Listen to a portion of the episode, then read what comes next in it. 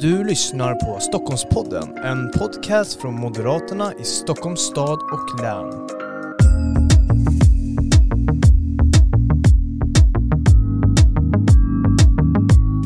Ja, varmt välkomna till ännu ett avsnitt av Stockholmspodden. Det här är Moderaterna i Stockholms stad och läns podcast där vi pratar aktuella frågor, brinnande frågor och en hel del om utvecklingen av vår region, Stockholmsregionen. Och det är nämligen det vi ska beröra idag.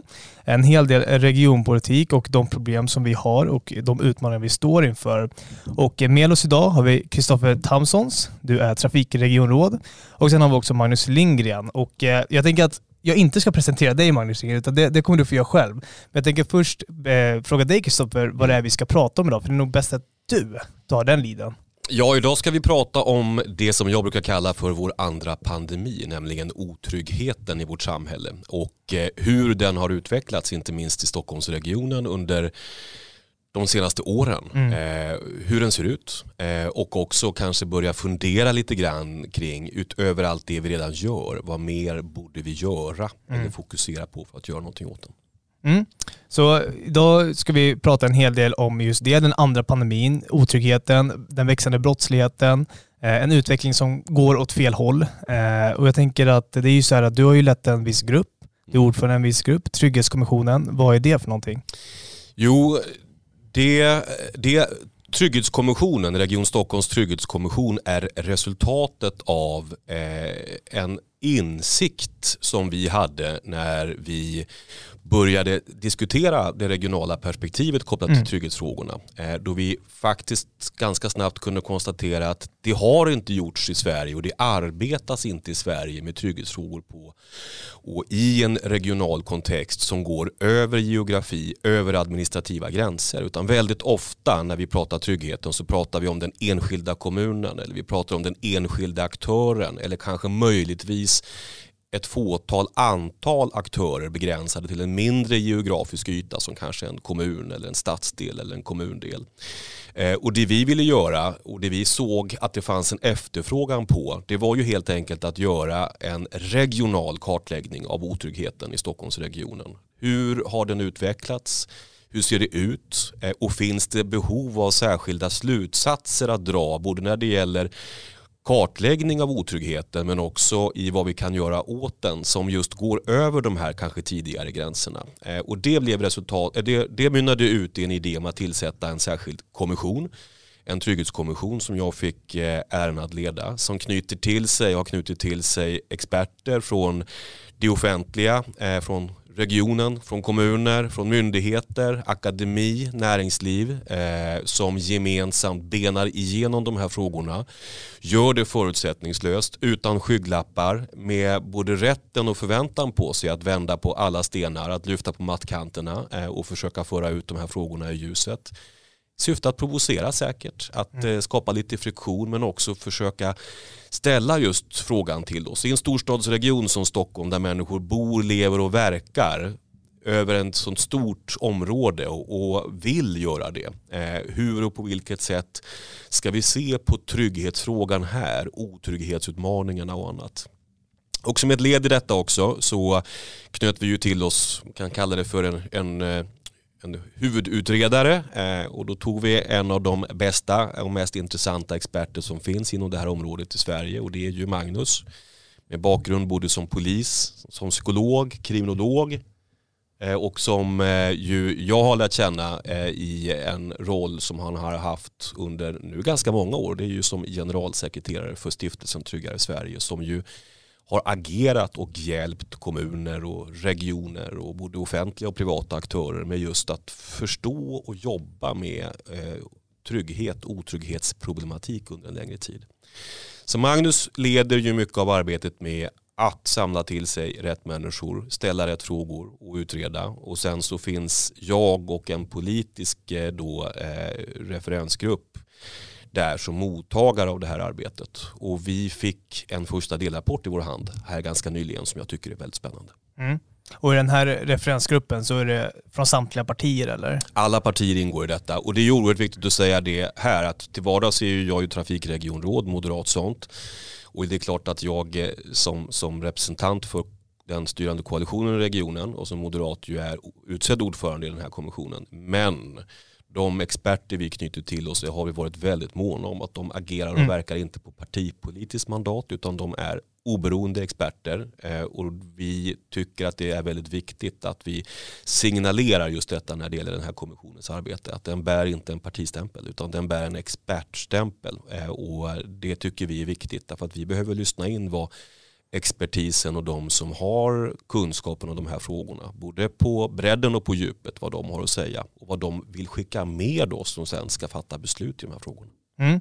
Tycker vi, vi släpper in dig Magnus. Du fick en liten introduktion här från eh, Kristoffer. Du har lett det här eh, projektarbetet, eller projektgruppen som, som genomför Trygghetskommissionens arbete. Då, då. Hur har det varit? Ja, vi har ju kommit så pass långt att vi har presenterat en första rapport här nu där vi har eh, gjort en initial kartläggning av hur ser situationen och utmaningarna ut egentligen när det gäller brottsligheten och otryggheten i Stockholmsregionen i våra 26 kommuner. Så att eh, mycket intressant och eh, vi ser fram emot nästa steg i arbetet som handlar om att titta på vad kan Region Stockholm göra annorlunda? Vad gör man idag? Vad skulle man kunna göra? Mm. Precis, vi ska djupa lite i den här delrapporten då, då, som släpptes förra veckan, var det va? Så var det så? Stämmer bra det. Mm. Ja. Så den är ju alldeles färsk eh, och eh, vi kommer återkomma till det här fortfarande under, under eh, våren men också såklart ska vi också återkoppla när slutrapporten är på plats också i november i det här poddformatet. Eh, så var kvar ända till november, eh, för då kommer slutrapporten. Men nu är det alltså delrapporten och på något sätt måste vi ändå luska ut vad bakgrunden till det här arbetet är. Kristoffer, du nämnde att det var den andra pandemin. Mm. Eh, kan du utveckla det? Ja, men vi har ju sett under en längre tid hur otryggheten i Sverige har vuxit och inte minst kanske kopplat till, till en stor eh, stadsregional kontext. Det vill säga i de här nationella trygghetsundersökningarna men också de lokala och regionala så ser vi hur allt fler människor upplever allt mer otrygghet. En rädsla, en, en osäkerhet kopplat till våld, brott och droger. Vi vet att det många gånger är en storstadsutmaning också eh, och det har ju att göra med att i storstäderna så finns det flera av oss människor på både gott och ont. Både flera av oss som vill väl men också flera av de som inte vill väl.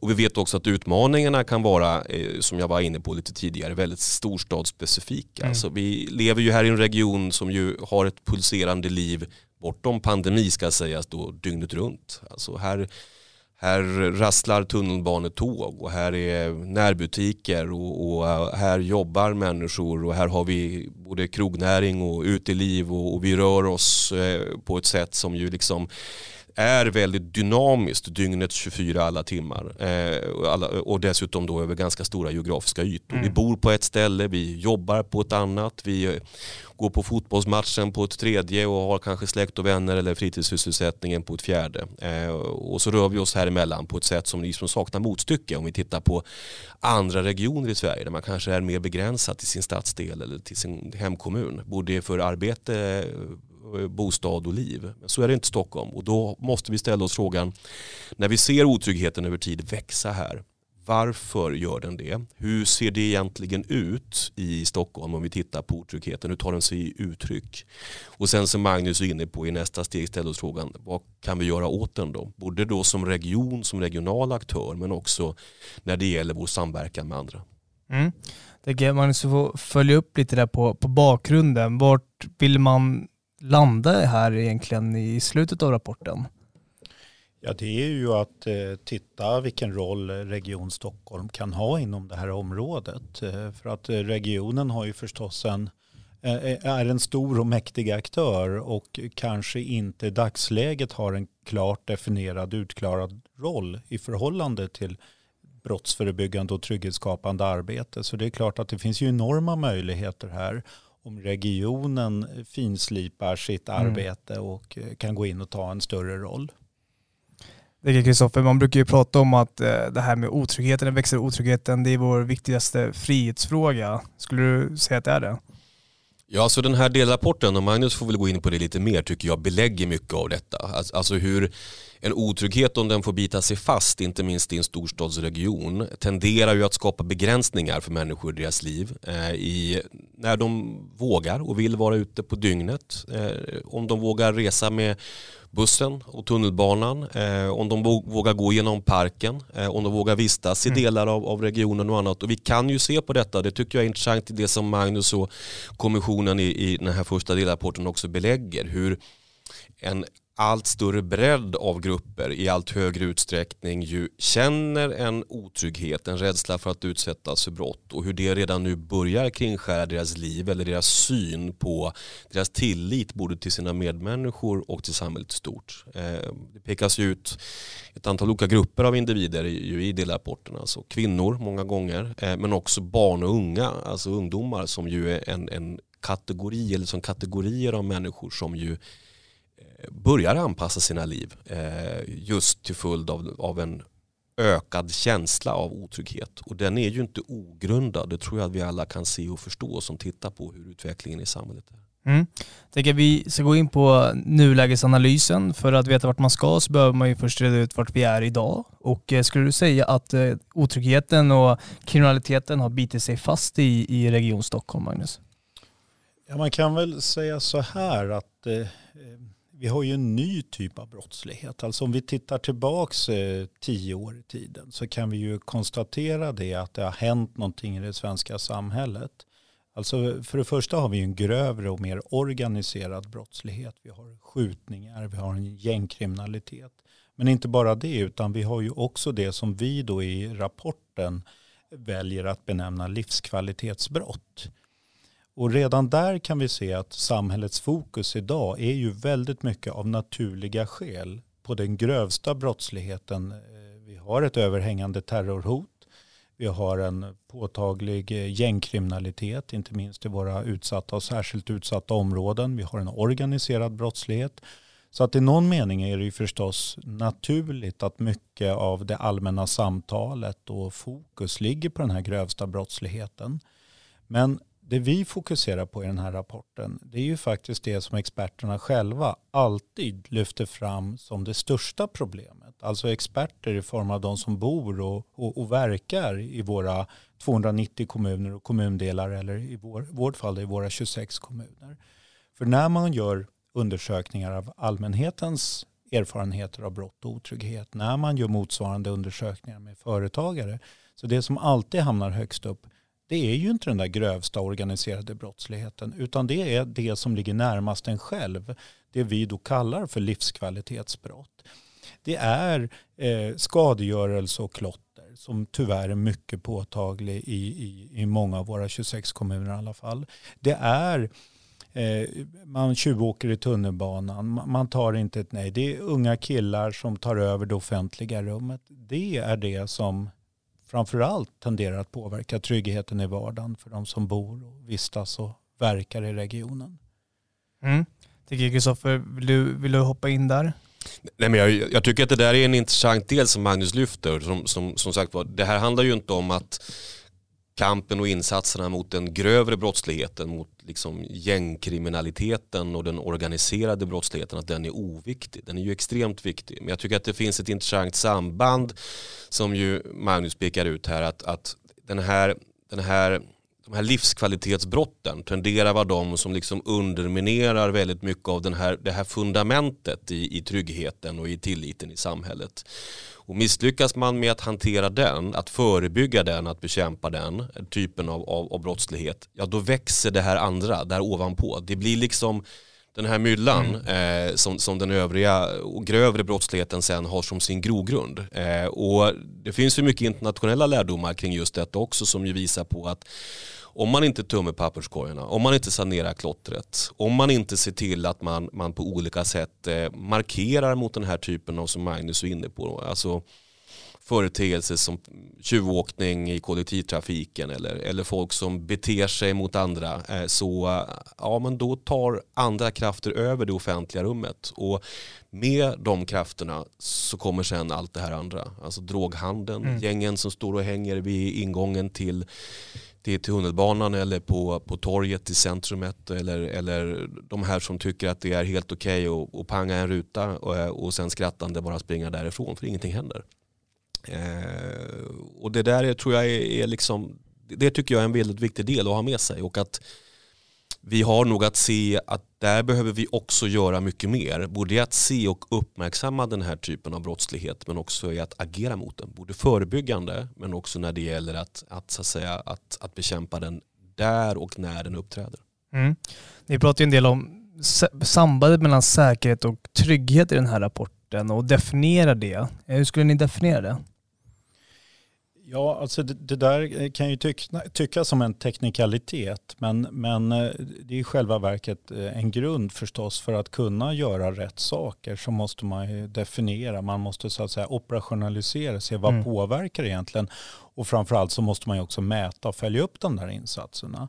Och tittar vi på situationen idag så kan vi ju konstatera att många kommuner gör väldigt mycket. Många kommunala bostadsbolag, privata bostadsbolag, många aktörer i samhället gör väldigt mycket för att minska brottsligheten och öka tryggheten. Men det viktiga är ju inte att göra saker utan det viktiga är ju att göra rätt saker. Och, och där någonstans börjar ju då vikten av att man definierar. Och, och säkerhet och trygghet är ju lite av modord i Sverige nu, inte minst trygghet.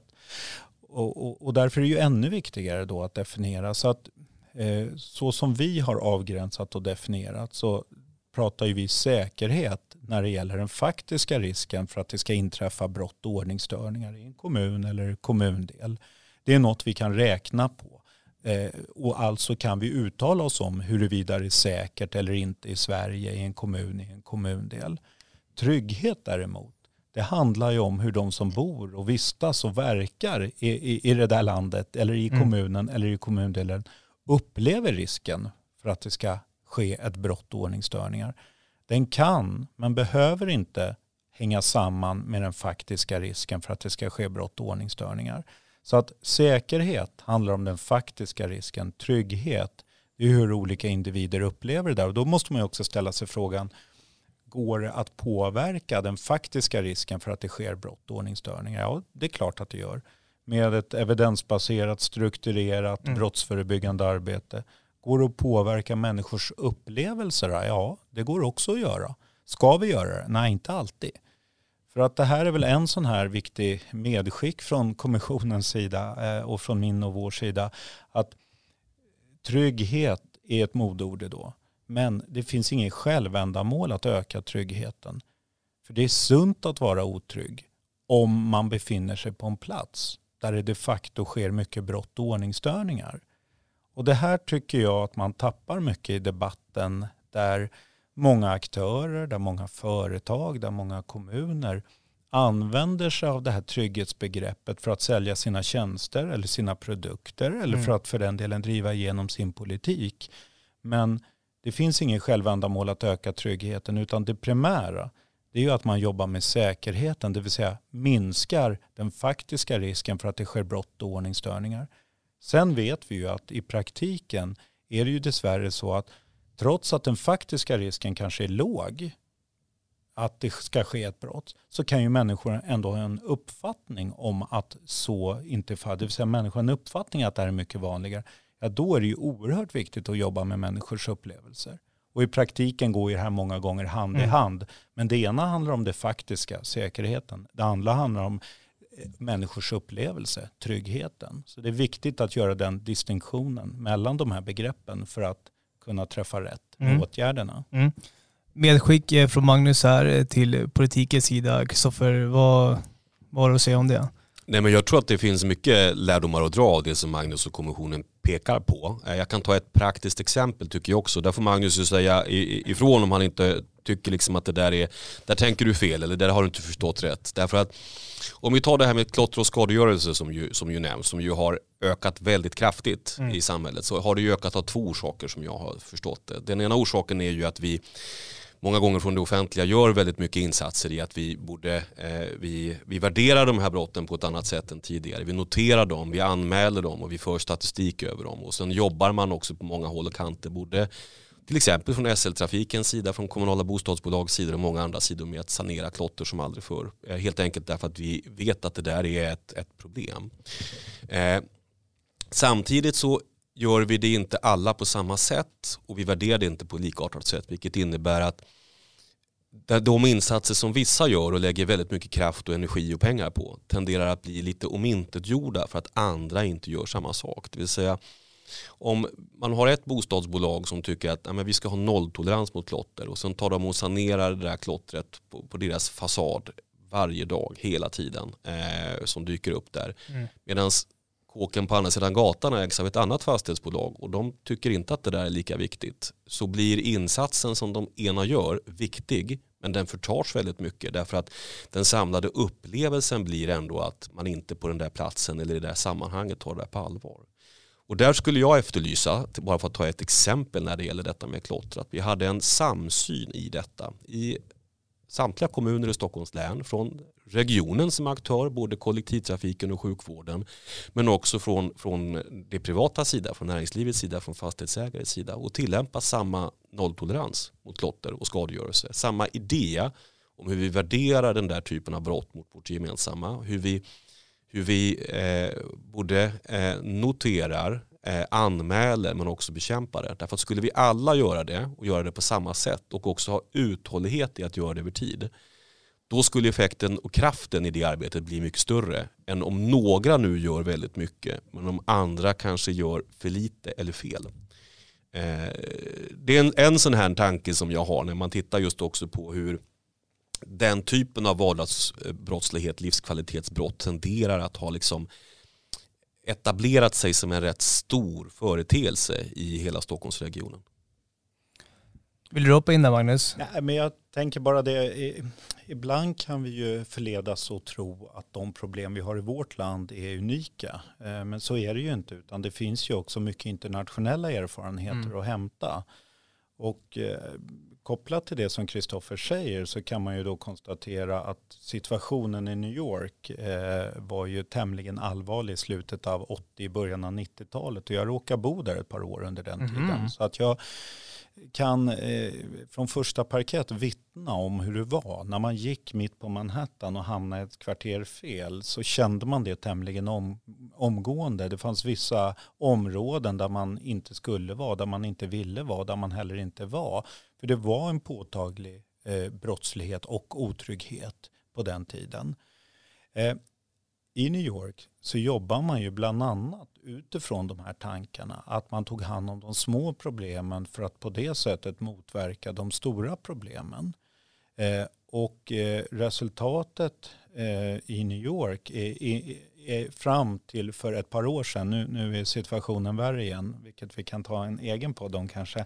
Men fram till för ett par år sedan så kan vi se alltså att den polisanmälda brottsligheten minskade med drygt 80 procent. Och här tänker jag också då att jag som en oberoende aktör kan ju se att de här frågorna som vi pratar om nu, säkerhet och trygghet kopplat till brott och ordningsstörningar, har ju någon slags svensk kontext gärna kopplats samman och blivit som någon slags högerfråga med konsekvensen att vänstern har abdikerat nästan för dem. Mm. Men, men jag menar, eh, en poäng och det vi ser, det är ju att de som har mest att vinna på att det är ordning och reda, de som har mest att vinna på att eh, kommuner, fastighetsägare, Region Stockholm, polisen med flera jobbar aktivt med livskvalitetsbrotten. Det är de mest svaga och utsatta i samhället. Det där är ett perspektiv som jag saknar i den svenska politiken och en svensk kontext. Mm. Eh, utvecklingen har ju blivit värre från rent nationell nivå också, men även i Stockholmsregionen så har ju brottsligheten ökat. Eh, och man kan ju säga att utvecklingen går åt fel håll. Och nu har vi inne en hel del på, på åtgärderna. Du belyser flera olika perspektiv där. Jag ser att du viftar Magnus, du ska alldeles strax komma in. Eh, jag tänker, är det otydligt vem som ska bära ansvaret? Stockholmsregionen är ju en väldigt stor kommun. Vi har ju 26 kommuner. Eh, är det otydligt vem som bär ansvaret? Behöver man på något sätt göra strukturen tydligare? Ja, bara en, en, en liten synpunkt där. Alltså, ja, en del brottslighet har ökat, annan har minskat och ytterligare annan brottslighet är ju konstant. Så att vi ska ju i det här sammanhanget, i min kriminologhatt på mig då, så, så måste jag ju vara tydlig med, det är ju inte så att brottsligheten går rakt upp i samhället. Vi kan se att den grövre och den organiserade mm. brottsligheten, gängkriminaliteten, absolut den har ökat. En del av de så kallade livskvalitetsbrotten har också ökat medan andra faktiskt har minskat. Vilket vi ser när vi tittar på polisanmälda brott, offerundersökningar men också andra typer av eh, undersökningar, sjukhussurveys ex exempelvis. Så det är ju viktigt att säga det. Det är inte så att brottsligheten går rakt upp i samhället överlag. Vi har historiskt låga nivåer på vissa brottstyper. Alltså bilrelaterade brott, eh, bostadsinbrotten har minskat under de senaste tio åren etc. Jag vill bara säga det. Mm. Eh, på, din, eh, på din fråga, eh, jag skulle säga så här, i den allmänna debatten så tenderar ju åtgärderna för att komma till rätta med situationen handla om hårdare tag, ny lagstiftning och fler poliser. Jag förstår att det är one-liners som media eh, förstår, kan ta till sig, sprida, som politiker vill säga och som folket i stugorna förstår. Men jag skulle vilja säga det stora problemet det är att grundläggande frågor i samhället som handlar om roller och mandat och befogenheter är inte utklarade. I bästa fall vet man vad man själv ska göra, inte alltid. Eh, men man vet sällan vad andra har för roll i det här. Så det är väl något perspektiv jag kommer in med i det hela. Mm. Tänker så, för du får hoppa in här när vi, när vi är inne på rollerna. Olika kommuner, regioner. Man pratar ju en hel del nu om vem som ska bära ansvaret nu. Ja, coronapandemin står ju i fokus, men det har ju varit en hel del tidigare. Hur tänker du kring rollerna? Ja, att rollerna är otydliga idag som Magnus säger och det finns ju mycket som tyder på det. Alltså det jag tillhör väl de som ibland tycker att det ska, absolut, det finns en del, det finns en del raka svar att ge när det gäller att bekämpa otryggheten och brottsligheten i samhället. Och jag kan ju säga direkt att jag är en av de här varma anhängarna ju av fler poliser, fler synliga poliser och, och, annat. Men jag har ju en full respekt för att det är inte hela svaret. Eh, och en av de här utmaningarna som vi har är ju måhända just att rollfördelningen har blivit lite otydlig. Och det finns ett tydligt uttryck för detta tycker jag. Och det har ju att göra med att allt fler och fler aktörer utöver staten, alltså utöver eh, de i grund och botten utsedda brottsbekämpande myndigheterna bär ett allt större och större ansvar.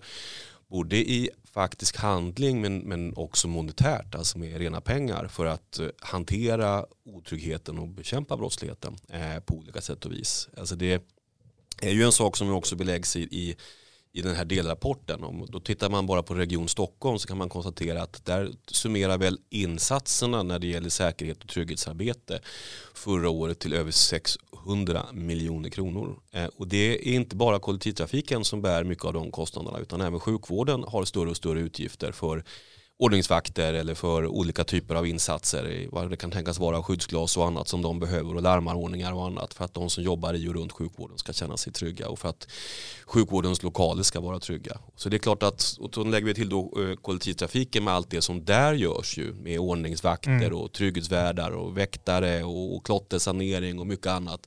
Så det är klart att det är ju det är ju tyvärr ska jag säga, kostnader som andra delar av samhället i allt högre grad måste bära idag. Men som ju någonstans ju kokar ner till att rollfördelningen har blivit skev kring vad som är statens ansvar som de som ska liksom stå upp och hålla i liksom ramarna och grunden för rättsstaten och vad som har blivit andra aktörers eh, ansvar och, och insatser. Och i allt högre grad då ska sägas, om jag tar till exempel kollektivtrafiken som jag själv ju jobbar mycket med, idag inte som ett komplement till en, en, eh, ett närvarande rättsväsende eh, utan i allt högre grad som ett alternativ till ett rättsväsende som vi upplever har dragit sig tillbaka. Eh, och det är väl det som är utmaningen. Att det liksom, där en ordningsvakt tidigare verkade och jobbade väldigt tätt och nära in på en polis som fanns närvarande. Alltså mm. skuldra mot skuldra mer eller mindre så är ordningsvakten idag själv.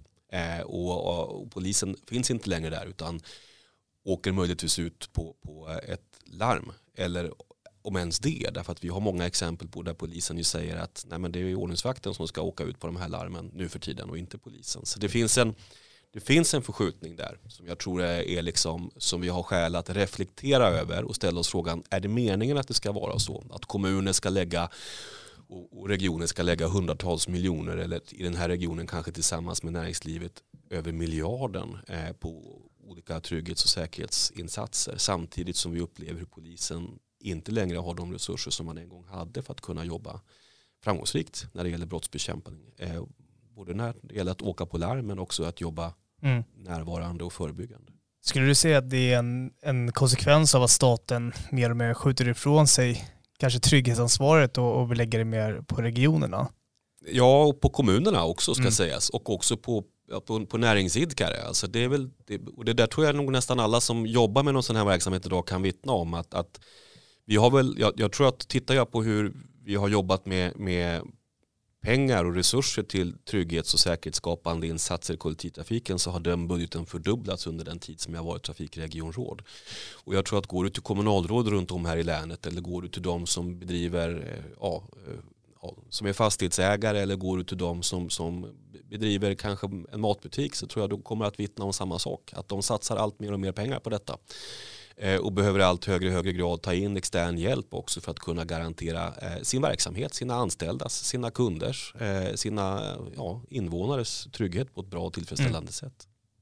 Magnus, du, du har viftat här ser jag. Du får hoppa in. Varmt välkommen. Viftat och viftat. Men, nej, och jag ber om ursäkt för att jag, jag, jag, men man går igång på de här ja, frågorna. Ja, men jag, jag förstår helt. Ja. Men Magnus, nu får du ordet. Ja, Ja, men alltså det, jag håller ju helt med Kristoffer över den här förskjutningen som har skett och, och, och där man kan säga kommuner, kommuninvånare betalar dubbelt och företagare betalar trippelt. Alltså först den statliga polisen som inte alltid gör det de ska. Huruvida det är resursbrist eller inte, det är nog också en egen podd. Egen podd, ja. ja och, och, och sen till den eh, kommunala eh, ordningshållningen i någon mening som då utförs av ordningsvakter med två veckors utbildning och sen får man ändå då som företagare köpa ytterligare tjänster. Men, men, men det jag egentligen viftar över där och, och eh, det, det, är ju att jag tycker att det är så märkligt att en av de hetaste politiska frågorna nu är ju privatiseringen av skolan och vinster i välfärden. Men här har vi ju ett område som om något är privatiserat men som det är ingen som helst som verkar bry sig om. Alltså där ordningshållningen har blivit privatiserat. Där de som har råd idag kan köpa sig eh, ordningsvakter. Eh, och, och, och, för mig är det fullkomligt bisarrt. Det finns inget annat ord. Att vi har en sån situation till att börja med och att det inte är någon diskussion om det kopplat då till hela skoldiskussionen som det är så många som är så upprörda över. Mm, intressant perspektiv. Vi, vi, fick inte en nattväktarstat, vi fick en väktarstat. Ja. ja, men lite så kanske. Jag tänker så, du vill hoppa in här på, på just det här perspektivet, det är väldigt intressant. Nej, alltså, men, men det här är ju en viktig fråga tror jag att, att ställa sig. Det är klart att, det är klart att alla delar av samhället ska göra allt de kan mm. eh, för att bekämpa otrygghet och för att vi liksom ska bekämpa brott och förebygga brott. Det tror jag är jätteviktigt. Att liksom, det är klart att ingen kan säga att det är någon annans ansvar, framförallt inte utifrån den situation som vi har. Men det är klart att långsiktigt måste vi ju arbeta för att rollfördelningen är klar och tydlig och att, vi, att var och en av de här aktörerna som vi är gör rätt saker. Eh, och då handlar det inte om att vi ska göra det som i grund och botten är någon annans jobb och ansvar utan det handlar ju om att vi ska göra det som vi är bäst på det som vi kan göra för att komplettera varandra. Och jag brukar alltid från min horisont vara väldigt tydlig med att en polis en polismans jobb kan bara utföras av en polis. Eh, det är bara de som har de befogenheterna och, och, och den lagstiftningen i ryggen att kunna agera som en polis och dessutom har, har det har de befogenheterna och också det anseendet i samhället. Och det är ju bra i grund och botten. Det ska ju vara så. Eh, men vi tenderar väl idag att se att andra delar av samhället ska med andra typer av resurser mm. försöka fullgöra den där polismannens jobb. Och då blir det inte bra. Och det, tycker jag, det tror jag vi är många som kan vittna om. Alltså det, jag älskar ju våra ordningsvakter. Det är liksom, de tjejerna och killarna är hjältar. är de som, de som tar på sig den rollen. Framförallt utifrån att de idag har både många gånger bristande verktyg och bristande lagstiftning för att kunna göra allt det de förväntas göra idag. Men de tenderar ju att hamna i situationer, och det vittnar de ju själva om, då det skulle ha varit en polis där istället. Och där det historiskt har varit en polis där, men där det inte längre är det. Utan det blir de som får stå där eh, själva eh, eller tillsammans med en kollega eh, och inte alls ha liksom, vare sig befogenheterna eller verktygen eh, eller lag, lagskyddet för att kunna agera på ett bra, på ett bra sätt för sin egen eller för andras eh, trygghet och välbefinnande. Mm. Det, nu har vi svävat iväg lite och, och hamnat eh, på ofta resursfrågor och sådär. Det är jätteviktigt så, men jag tänker att vi går tillbaka till, till just den här rapporten. För ni har ju gjort en viss hotspot-karta eh, som ni har pratat om eh, på Facebook och så vidare har man sett. Jag tänkte bara utveckla den. Eller vi kan ju börja så här. Är brottsligheten slumpmässig eller, eller koncentrerad till olika eh, kommundelar, bostadsområden, köpcentrum? Magnus, du får ta lid. Ja, alltså inom den kriminologiska forskningen så vet vi ju sedan länge att brottsligheten är fokuserad till vissa platser, till vissa tider, men faktiskt också till vissa individer och objekt. Det finns ju en kriminologisk teori som heter hotspotsteorin eh, som förklarar uppkomsten av det här. Eh, det här vet vi sedan många år i teorin, men vi ser väldigt lite praktisk verksamhet utifrån den här kunskapen. Det vi nu har gjort det är ju att vi har gjort en analys, en hotspotsanalys i tre lager där vi har tittat på polisanmälda livskvalitetsbrott i eh, regionens 26 kommuner och kommundelar. Vi har lagt på ett annat lager som handlar om rapporterade ordningsstörningar och andra händelser, händelser till eh, Trygghetscentralen vid Trafikförvaltningen SL. Och det sista lagret utgörs då av eh, Polisregion Stockholms trygghetsundersökning. Så vi också kan se var någonstans man är trygga. Och, och, och, och den korta versionen då av vad den här hotspotsanalysen visar det är ju att brottsligheten och för den delen otryggheten inte är slumpvis fördelad utan den tenderar att vara fokuserad till vissa kommuner till vissa kommundelar men också till vissa platser eller till och med vissa noder. Och varav det intressanta är att många av de här noderna det är eh, sånt som direkt har en påverkan på Region Stockholms verksamhet men också som därmed Region Stockholm direkt kan påverka på olika sätt. Och det handlar om kollektivtrafiknoder. Det handlar om kulturnoder men också hälso och sjukvårdsnoder där en stor andel av, av brottsligheten och till viss del otryggheten tenderar att vara fokuserad. Mm. Rent spontant så tänker man ju att det måste bli lättare att motverka otryggheten om, om den är koncentrerad på vissa specifika platser. Stämmer det? Vi har ett val. Antingen kan vi ta en grovkalibrig hagelbössa, blunda och trycka av och höra hur det smäller av bara fanken och hoppas att något av de där hagelkornen träffar målet. Det är en beskrivning av hur det brottsförebyggande och trygghetsskapande arbetet har bedrivits i Sverige under många år. Eh, eller också så kan vi ha ett finkalibrigt precisionsvapen och allokera resurser till de platserna, till de tiderna då de här brotten och då otryggheten tenderar att ske. Ganska enkelt val kan man tycka, men av någon anledning har vi inte kommit dithän i det praktiska arbetet och här tror vi att den här digitala hotspotskartan kan bidra utifrån ett regionalt perspektiv. Att se då var någonstans i regionen problemen tenderar att vara som störst. Mm. Ska den här till kommunerna då eller som får ta del av den? Och... Nej, utan tvärtom. Eh, internationellt så säger man så här att forskningen tillhör experterna, det tillhör polisen, mm. det tillhör kommunerna, den tillhör regionen. Men datan över var brotten sker och var människor är otrygga, det tillhör ingen annan än allmänheten. Det är allmänheten själv som måste kunna bilda sig en uppfattning. Och det här går ju direkt emot med hur vi har behandlat. Det är nästan en slags omvänd situation vi har haft i vårt land. Där det är alltså som allmänhet mycket svårt att faktiskt bilda sin egen uppfattning om hur brottsligheten och otryggheten ser ut. Mm. Istället så läser man ju det i tidningen, i tidningsrubrikerna och då skapar sin Eller i värsta fall via sociala medier och får en skev mm. bild. Mm. Så att här tror vi att det här, det, här är, det, här är, det här är en viktig del också för att allmänheten ska kunna eh, konfrontera lokala politiker och tjänstemän. Mm. Jag tänker att vi, vi, tiden går så att vi, vi lämnar hotspot-kartan. Kristoffer, jag ser att du vill kommentera den, men, men vi måste rulla på här så vi hinner med så mycket som möjligt. Men så här, om jag slänger ut frågan nu. Utvecklingen går, ja, nu med det här kriminologiska perspektivet som du drog, men ja, vissa brott går upp, grov brottslighet och så vidare går upp och vi måste ju på något sätt bryta det här. Hur tror ni att det här eh, nya begreppet livskvalitetsbrott då, då kan, kan bidra till det? Och ökad trygghet. Ja, så kan vi kan vi via, via kommissionens arbete, via Magnus och, och de experter han har knutit till sig, via deras arbete, ju få en ökad förståelse för vad som skapar otrygghet i samhället och vad som blir grunden till, till eh, att, att människor upplever en, en växande grad av otrygghet. Ja, då är det ju bra därför att då kan vi också, precis som Magnus är inne på, både när det gäller vad som skapar otryggheten men också var den skapas och göra bättre och tydligare insatser men också se till att kraftsamla från samhällets sida både, både, både när det gäller eh, aktörer men också såklart till de platser och de sammanhang där de här insatserna behövs. Jag skulle säga att jag är övertygad om att detta är någonting väldigt bra. Och det är också väldigt bra därför att vi tenderar ju i ett samhälle som fokuserar, med rätta ska sägas, rätt mycket av vår diskussion och våra resurser på de grövre brotten.